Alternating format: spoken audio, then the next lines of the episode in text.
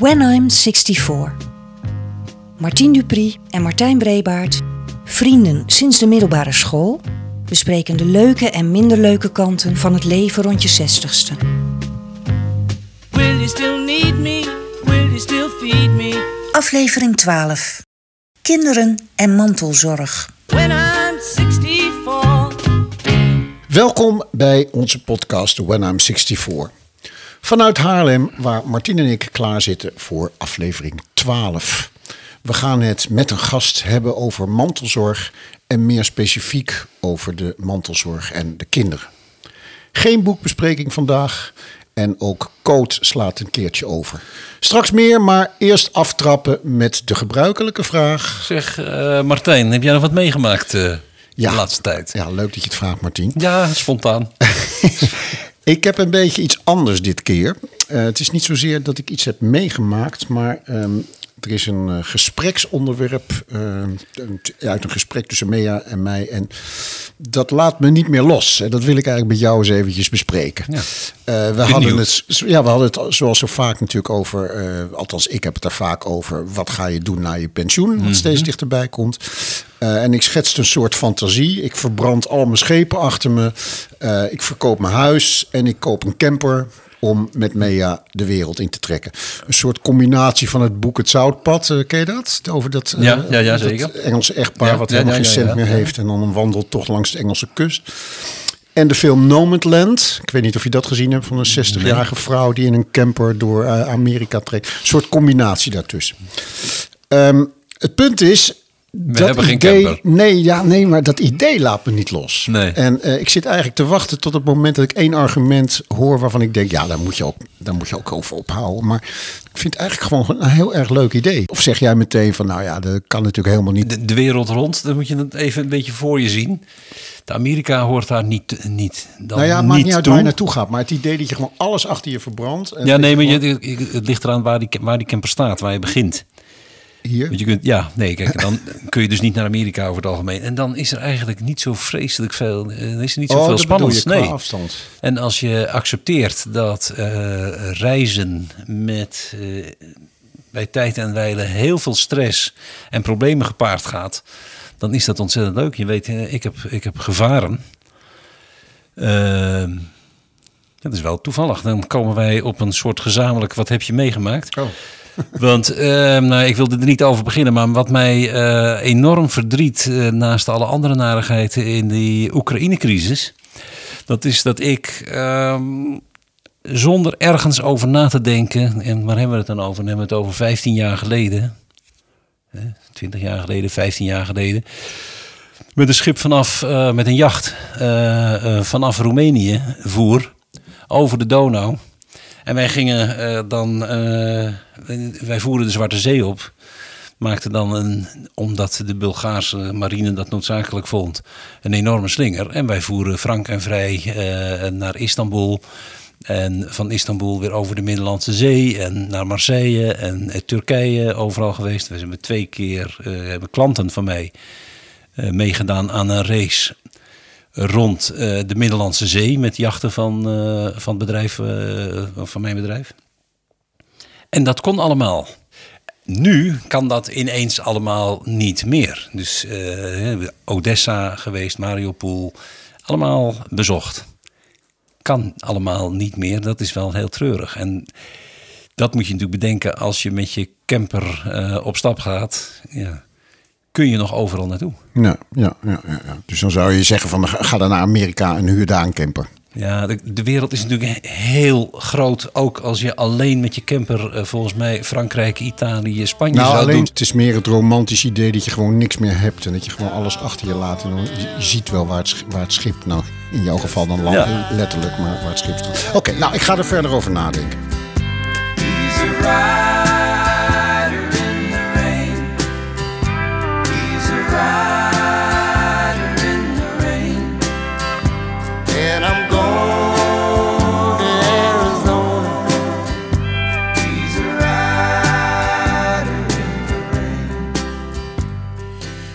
In de vorige aflevering hadden we het over opgroeiende kinderen. Vandaag staat de mantelzorg centraal en dan vooral in relatie tot die kinderen. Zelf zit ik in een soort sandwich situatie. Ik ben mantelzorger voor mijn moeder. En denk natuurlijk ook door die ervaringen na over wat ik straks van mijn kinderen wil, kan en mag verwachten wanneer ik zelf hulp nodig heb. Dat is gelukkig nog niet zo en ik wil vermijden dat we vanavond praten als 80-jarigen. Uh, maar ik heb wel het gevoel dat ik het gesprek hierover met mijn kinderen zo langzamerhand aan moet gaan. Net als met mijn partner overigens, maar dat is een andere aflevering. En wat die kinderen daar dan zelf van vinden, daar gaan we het in de volgende aflevering over hebben. Maar er blijft meer dan genoeg over, want mantelzorg is een ingewikkeld onderwerp met vele interessante kanten. Gelukkig hebben we een tafelgasten die onze gedachten een beetje gaat ordenen. En uh, dat is Leonie Brebaert. En Leonie Brebaert is filosoof en werkt als redacteur bij Dagblad Trouw. En jazeker, ze is ook mijn zus. Nou, Leonie, welkom. Dankjewel, Martijn. Martien en ik hebben deze uitzending natuurlijk een beetje voorbereid. Uh, en hebben nagedacht over een aantal mantelzorgvragen. En het was eigenlijk opmerkelijk dat we binnen de kortste keren twee blaadjes volgeschreven hadden met allerlei morele kwesties, ethische kwesties. Het leeft behoorlijk. Misschien is het verstandig om te beginnen met aan jou te vragen: kun jij ons iets vertellen over de geschiedenis van de mantelzorg zoals we die nu kennen? Want dat is natuurlijk niet altijd zo geweest.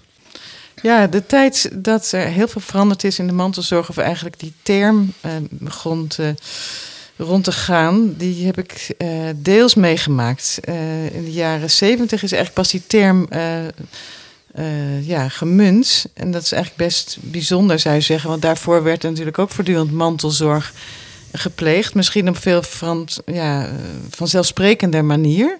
ik denk dat, ja, ik zie, mijn moeder was meteen naar haar zodra ze verloofd was, en moest ze voortdurend voor de familie eigenlijk allerlei mantelzorgende activiteiten uh, verrichten. Dat was toen heel gewoon. Ja.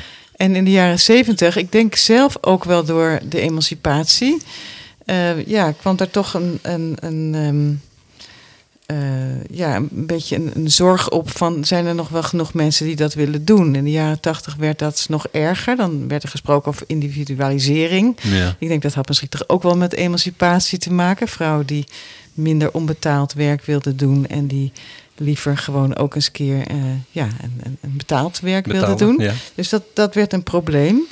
En... Um, ja, het werd ook te duur, vond men, om, uh, om dat allemaal uh, ja, via het collectieve voorzieningen te laten betalen. Dus toen, toen kregen we al het probleem, wat nu natuurlijk nog veel groter is. Uh, dat probleem werd op een gegeven moment wel erkend in de jaren negentig. Dat kan ik mezelf ook nog herinneren, dat je toen ja, dan kreeg je termen als zorgverlof, kan je toen opnemen. Uiteindelijk is, heb ik dat geloof ik ook toen bij me gevraagd of ik dat kon doen. Het is toen ook weer afgeschaft, eventjes in ieder geval in mijn geval. Ik weet niet, nee, deels kan het nog wel, het bestaat, nog wel. ook nog, ja. Maar goed, in ieder geval was dat toen, uh, men zag dat veel mensen daar toch een beetje aan onderdoor gingen eigenlijk. En uh, misschien ook omdat inderdaad vrouwen dat vaker moesten combineren met, uh, met een baan. En het nog niet vanzelfsprekend was dat mannen dat dan even, even sterk gingen doen als zij. Uh, maar goed, dat, bleef toch doorzetten dat, dat het toch erg duur werd, hè, het systeem wat we hadden. Dus je zag toch steeds meer dat er meer werd verwacht van de, van de burger om dat zelf op te lossen. En dat is natuurlijk een, een, een ja, dat is eigenlijk doorgegaan, zou je kunnen zeggen. Um, ja, met die uh, WMO werd natuurlijk keukentafelgesprekken. Ja. En dat hebben wij zelf ook meegemaakt uh, met onze moeder. Zeker, hè? Ja. Dus die ging, ja. op de tachtigste is zij gevallen. Uh, heeft ze de heup gebroken. Dat ging toen nog wel. Toen ze naar terugkwam thuis, ging ze eigenlijk steeds verder achteruit. En ja, bleek toch steeds meer dat we, um, ja, dat we veel voor haar moesten doen. Uh, ja.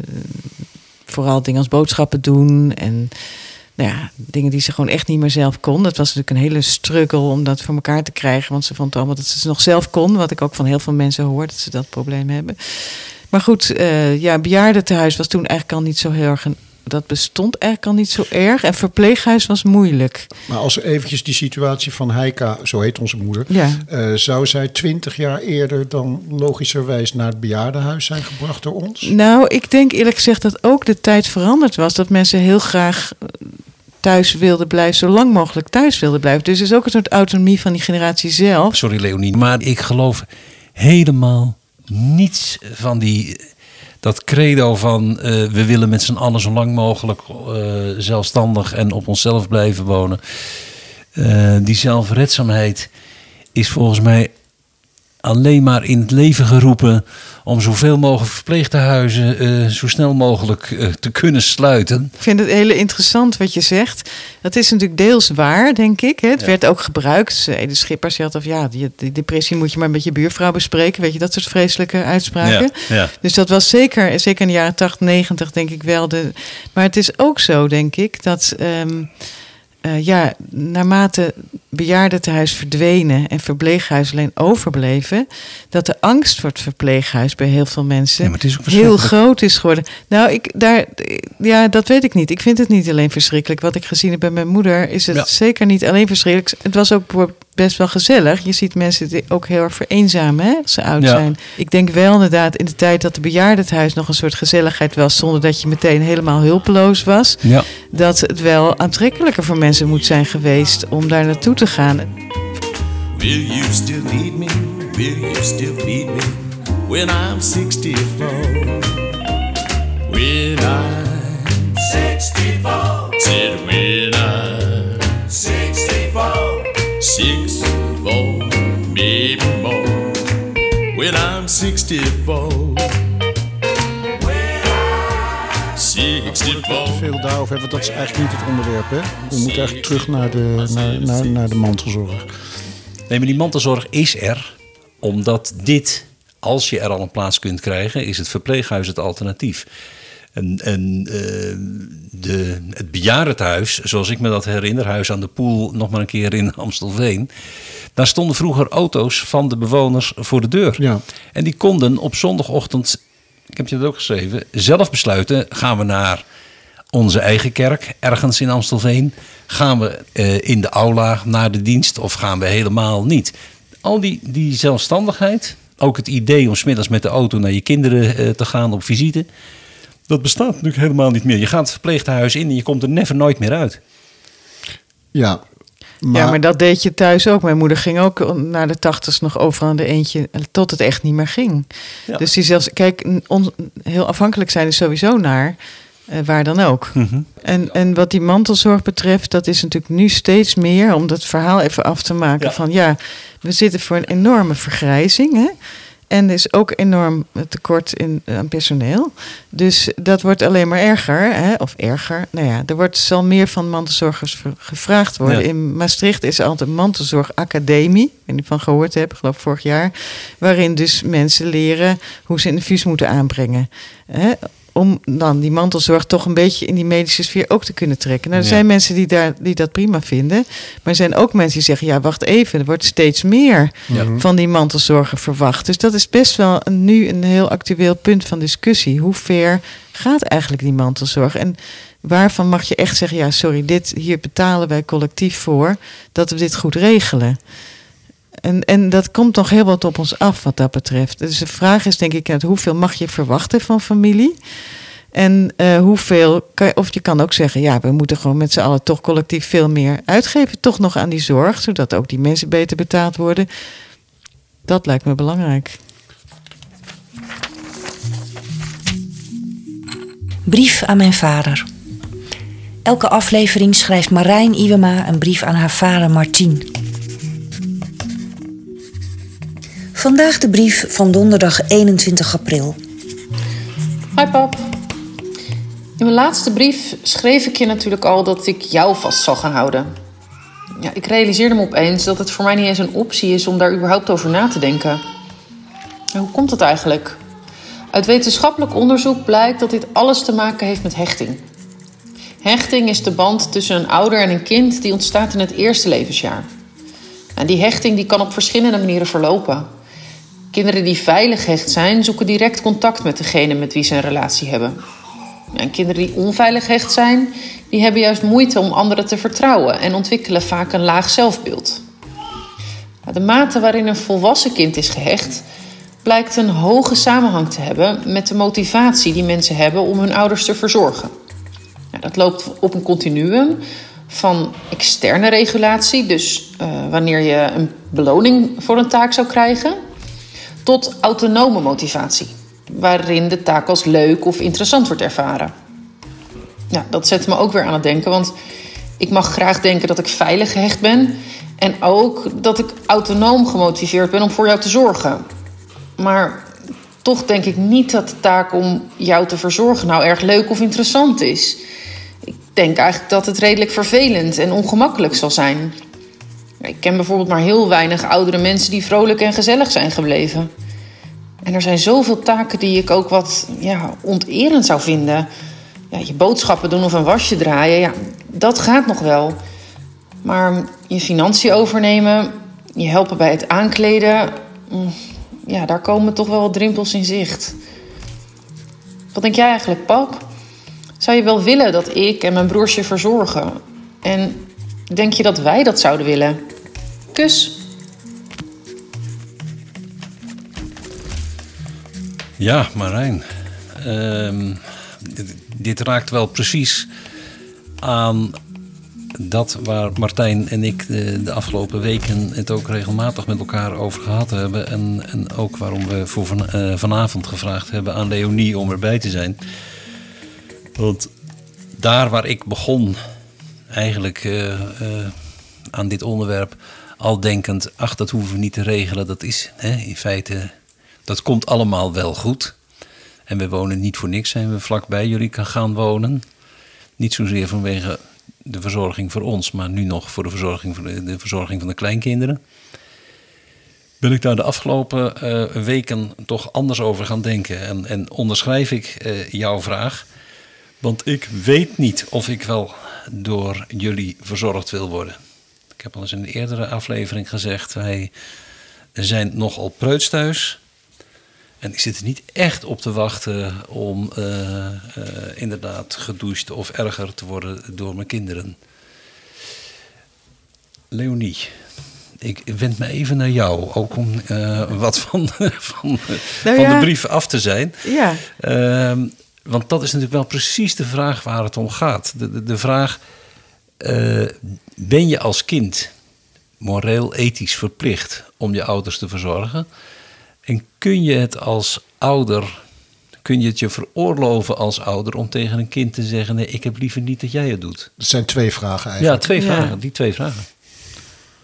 Verplicht vind ik moeilijk, want ik denk uh, dat het ook heel erg afhangt van je verhouding tot je ouders. En als je het gevoel hebt dat je verhouding met je ouders daardoor slechter zou worden of moeilijker, of dat je ouders het moeilijk vinden om het te vragen, dan krijg je dus ook een, ja, een soort ongemakkelijkheid daarin. Mm -hmm. Dan uh, weet ik niet of die plicht nou nog zo zwaar weegt. Ik denk wel dat je je verhouding met je ouders verandert. Wat jullie misschien nog niet voor kunnen stellen. Ik ook nog niet met mijn kinderen, jonger. Maar uh, ja, je ouders worden natuurlijk op een gegeven moment echt af, afhankelijker. Mm -hmm. En dan krijg je een andere verhouding. En ik dacht ook dat ik nooit mijn moeder bloot zou willen zien of dat soort dingen. En ja, op een gegeven moment dan maak je toch nachten mee waarin je dat wel gebeurt. En waarin je toch een meer zorgende rol op je neemt. Op ja. een soort van zelfsprekende manier. Dus ik, ik, dat is moeilijk. Net als je heel moeilijk kan zeggen: ja, als ik dement ben, dan wil ik niet meer leven. Weet je ja, wel? Dat ja, is, ja, dat zegt het keizer altijd. Ja, dat, dat weet je dus eigenlijk niet. En je weet dus ook niet precies hoe die verhouding met je ouders gaat veranderen. He, dus als jij, uh, dat het misschien vanzelfsprekend wordt, dat jij, ja, daar wil je nog helemaal niet aan denken, maar dat, je, dat jij toch misschien meer het kind wordt. Ja. He, dat, dat, uh, maar goed, dat zijn natuurlijk ook moeilijke dingen. En, en um, je kan ook zeggen, ik wil dat. Ik vind wel dat je het recht moet hebben om te, te zeggen, uh, dat wil ik gewoon in principe niet. Als kind of als, als, als ouder? Allebei, denk ik. Ja, omdat het, als het de verhouding helemaal vertroebelt... of bijvoorbeeld er komt enorm veel schuldbesef... dat je bijvoorbeeld als, als oudere uh, niet uh, je schuldig voelt dat je die hulp vraagt... Of als je als oudere denkt, ja, ik vind het eigenlijk helemaal niet zo prettig wat zij doet, maar ik durf dat niet te zeggen. En dat vind ik ja, het grote ja, voordeel ja, van professionele hulp sowieso, dat je dan, ja, die mensen voor het betaalt. Het is gewoon hun werk. Dus je kan zeggen, ja, ik wil dat niet zo. Het is zuiverder op Het is zuiverder. en dat vind ik altijd sowieso het probleem met niet betaalde hulp door familie of naasten, misschien familie nog erger. Mm -hmm. Dat je eigenlijk, het is heel moeilijk om daar kritiek op te hebben. Want ja, die mensen doen dat met de goedheid van hun hart. winter, spring, summer, or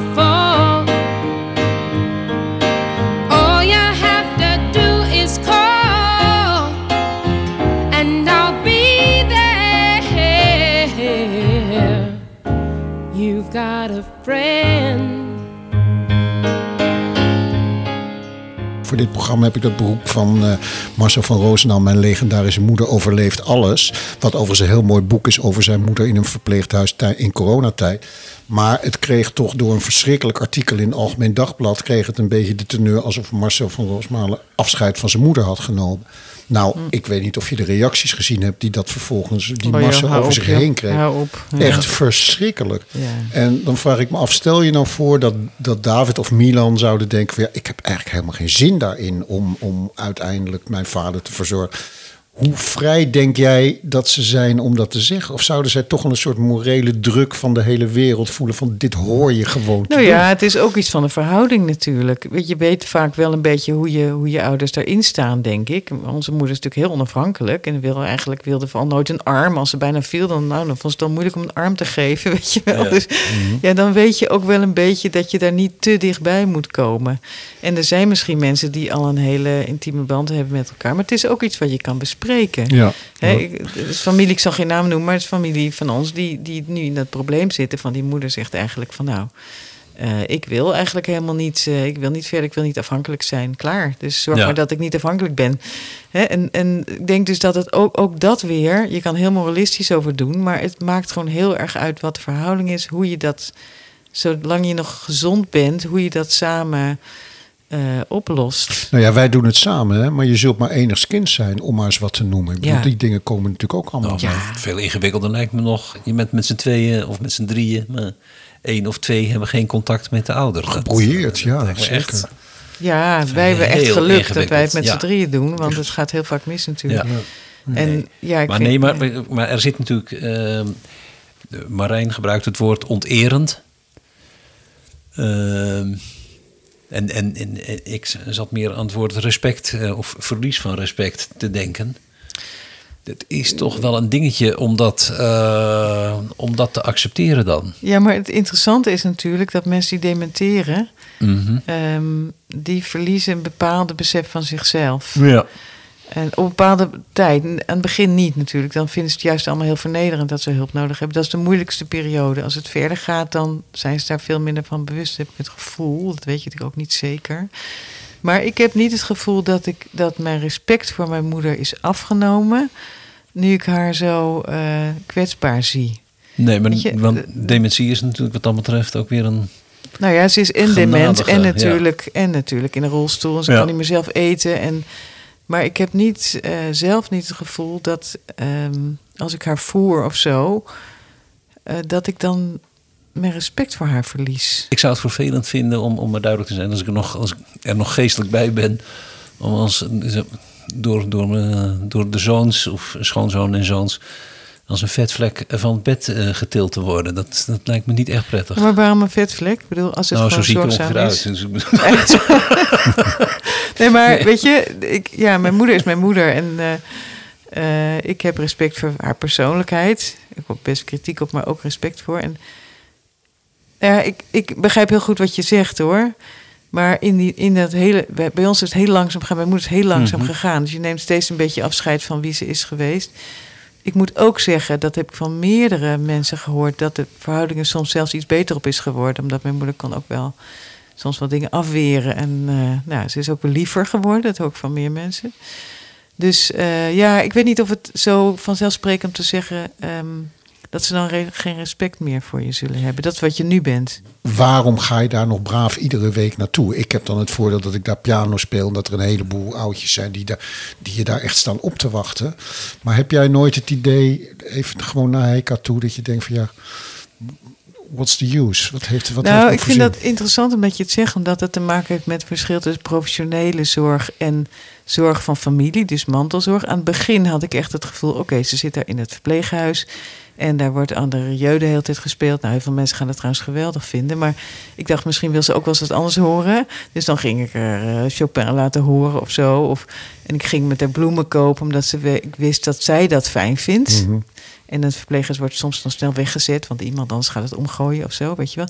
Dus ik had wel het gevoel dat ik als dat de mantelzorg eruit bestond, dat ik dingen voor haar deed eh, die andere mensen niet wisten dat ze het fijn vond. Hè? Eh, en dat is wel steeds minder geworden. Als het niet uitmaakt wie er zit, ik merk dat zij bijvoorbeeld de, de verzorging, die, de vrouw die daar vaak is, beter herkent dan mij.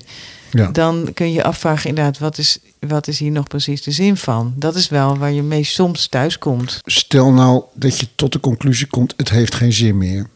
Is het dan logisch dat je zegt, dan ga ik ook niet meer? Dat voelt als een gigantische stap, toch? Ja, kijk, je moet natuurlijk sowieso kijken hoe is het met haar en zo. Weet je wel, gaat het goed met die zorg en, ver, en, en verliezen ze die dingen uit het oog? Hoe zit ze erbij? Dat blijft natuurlijk sowieso wel heel belangrijk om daar vaak naartoe te gaan.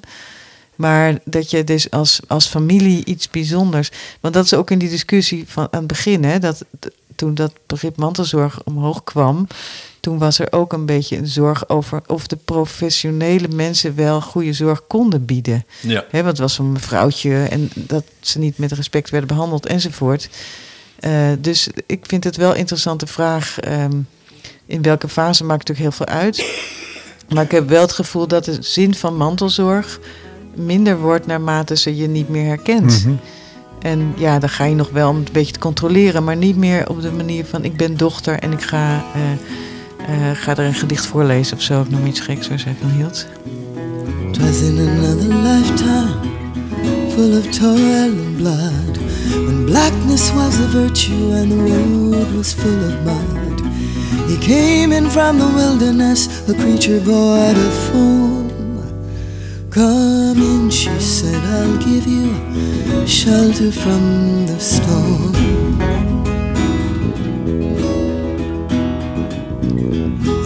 Pass this way again, you can rest assured he'd always do his best for that he gave his word. Er is natuurlijk veel kritiek op de toenemende mantelzorg als gevolg van de kostenbesparing vanuit Den Haag. Maar zou je niet ook kunnen zeggen dat wij de volkomen vanzelfsprekende hulp voor de oudere familieleden kwijtraakten? En dat het mooi is dat die zorg weer wat meer gevraagd wordt tegenwoordig. En je kan natuurlijk zelf ontzettend veel geven. Eh, je, kan, eh, je hebt natuurlijk heel lang als kinderen ben je, ja, je bent gewend dat jouw ouders iets aan jou geven. En het idee dat het andersom ook zo is, is niet zo heel erg meer in onze cultuur. Nee, precies. Maar je kan wel, eh, het ligt eraan, hè? kijk, als je echt te veel moet doen en je moet je hele leven ervoor omgooien, dan is het, wordt het heel moeilijk en, en, en gaat het je tegenstaan. Maar zolang het zo is dat het, eh, ja, de, de, echte medische dingen door anderen gedaan worden. En je kan wel een soort vreugde brengen in het leven van je vader of moeder. Door ze mee te nemen naar buiten. Of iets te doen wat ze leuk vonden. eh, wat dan ook. eh, dan is dat wel zingevend werk. Dus ik heb zelf eigenlijk. eh, je vindt soms nare dingen in het verpleeghuis. En soms natuurlijk ook als je moeder nog thuis woont. Toch heb ik er nooit een hekel aan gehad om dat te doen. Ik heb daar wel door ontdekt dat zorgen toch ook eigenlijk ja, het kan heel erg, eh, zeker voor vrouwen denk ik, net eh, heel onhandig uitkomen met de carrière die ze dan eindelijk eens een keer eh, willen gaan opbouwen. Maar ik, ik heb het wel zingevend ervaren. En in ons geval heeft het de kinderen ook wel bij elkaar gebracht. Ja, en we hebben, dat, we hebben het geluk dat we dat goed hebben kunnen verdelen Ja. en, en daar altijd goed contact over hebben gehad. Maar eh, ja, het, het is wel, eh, je, kunt wel iets nuttigs doen en, en de band versterken in zekere zin.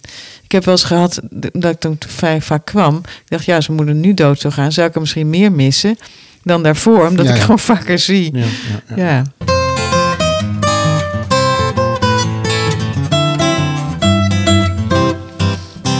Goed, eh, Leonie, wil je heel erg bedanken voor je, voor je komst en voor je bijdrage aan deze uitzending. Ehm Martien, heb je het gevoel dat de brief van Marijn naar tevredenheid, het, de vraag naar tevredenheid beantwoord is? Nee, ik denk dat, dat we zover nog niet zijn. Eh, Het, antwoord, het grijpt me ook meer aan, eh, het hele onderwerp, dan ik van tevoren had gedacht. Ja. Eh, de afgelopen, wat is het, nou, inmiddels al drie, vier weken. Ehm, en over wat eh, Leonie eh, vanavond heeft gezegd, de brief van Marijn zelf. Ik wil er toch eens over nadenken. En wij moeten gewoon proberen de komende eh, week uit deze aflevering en de brief van Marijn vragen te formuleren voor het gesprek met de kinderen. Want ja, inderdaad, ik zit er niet op dit moment, denk ik, ik zit er niet echt op te wachten om door de kinderen langdurig verzorgd te worden. Eh, Leonie maakt net terecht eh, de tussenopmerking. Ja, als mij plotseling iets gebeurt, natuurlijk verwacht je dat de kinderen dan in zullen springen. Maar de vraag voor, voor eh, de volgende keer met de kinderen erbij zal zijn: hoe staan jullie er tegenover? Hoe, voelen jullie dat? Precies. Voelen jullie je verplicht om, ook als er langdurig zorg nodig is, om die te bieden? En als ze er allemaal zijn, zijn ze met z'n vijven. En het is ook nog maar de vraag of ze er allemaal hetzelfde in staan natuurlijk. Dus misschien kan het nog tot hele leuke discussies leiden. Ja, ik ben erg benieuwd daarnaar. Ik ook.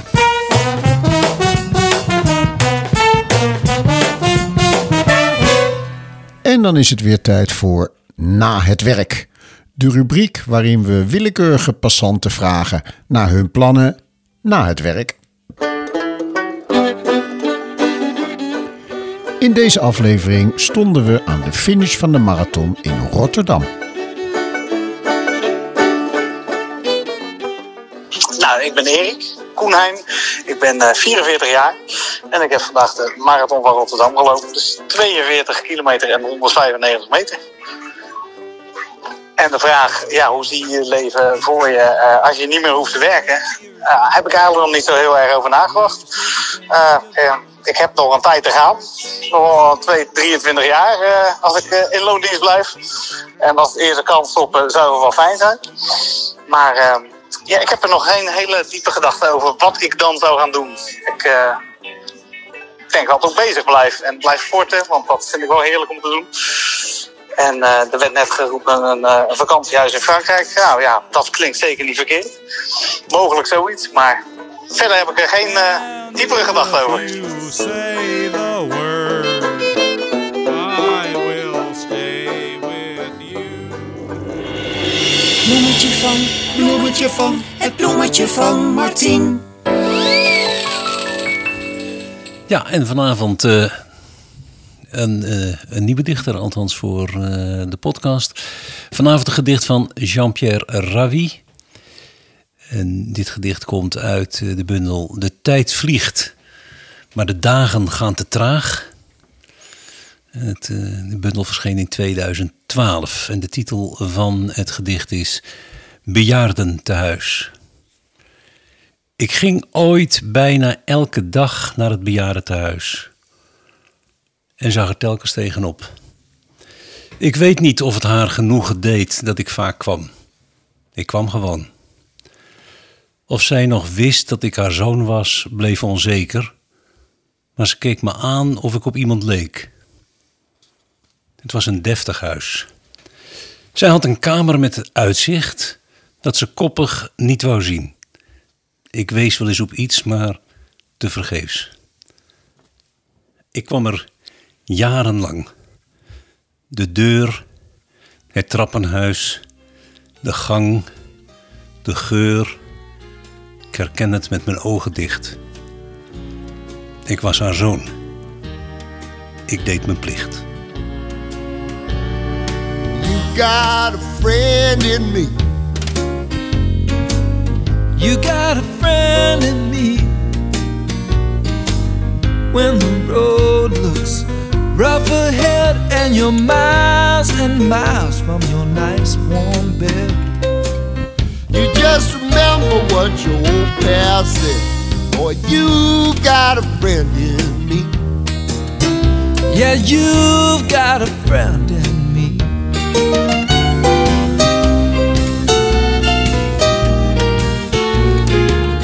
You got a friend in me. Dat was het voor vanavond.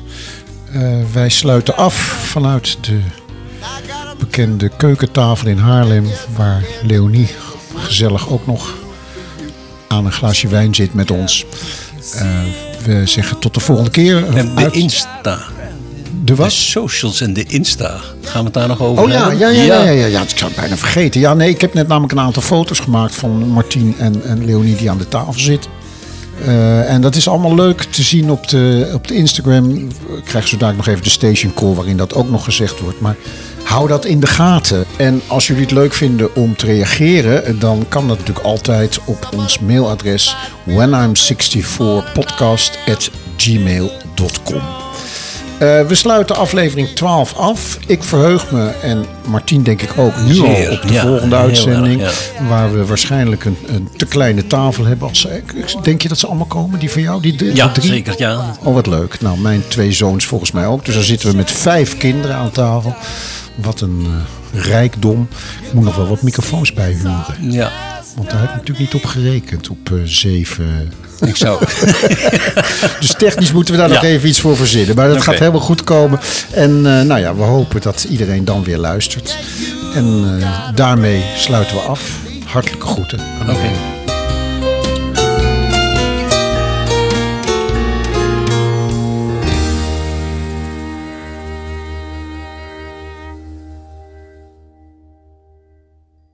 Vind je dit een leuke podcast? Dan hoef je geen uitzending meer te missen als je je abonneert of ons gaat volgen via de bekende podcast-apps zoals Spotify en Apple Podcasts. Leuke foto's en filmpjes kun je vinden op onze Instagram-pagina When I'm 64 Pod. Reageren kan via de mail whenI'm64podcast@gmail.com.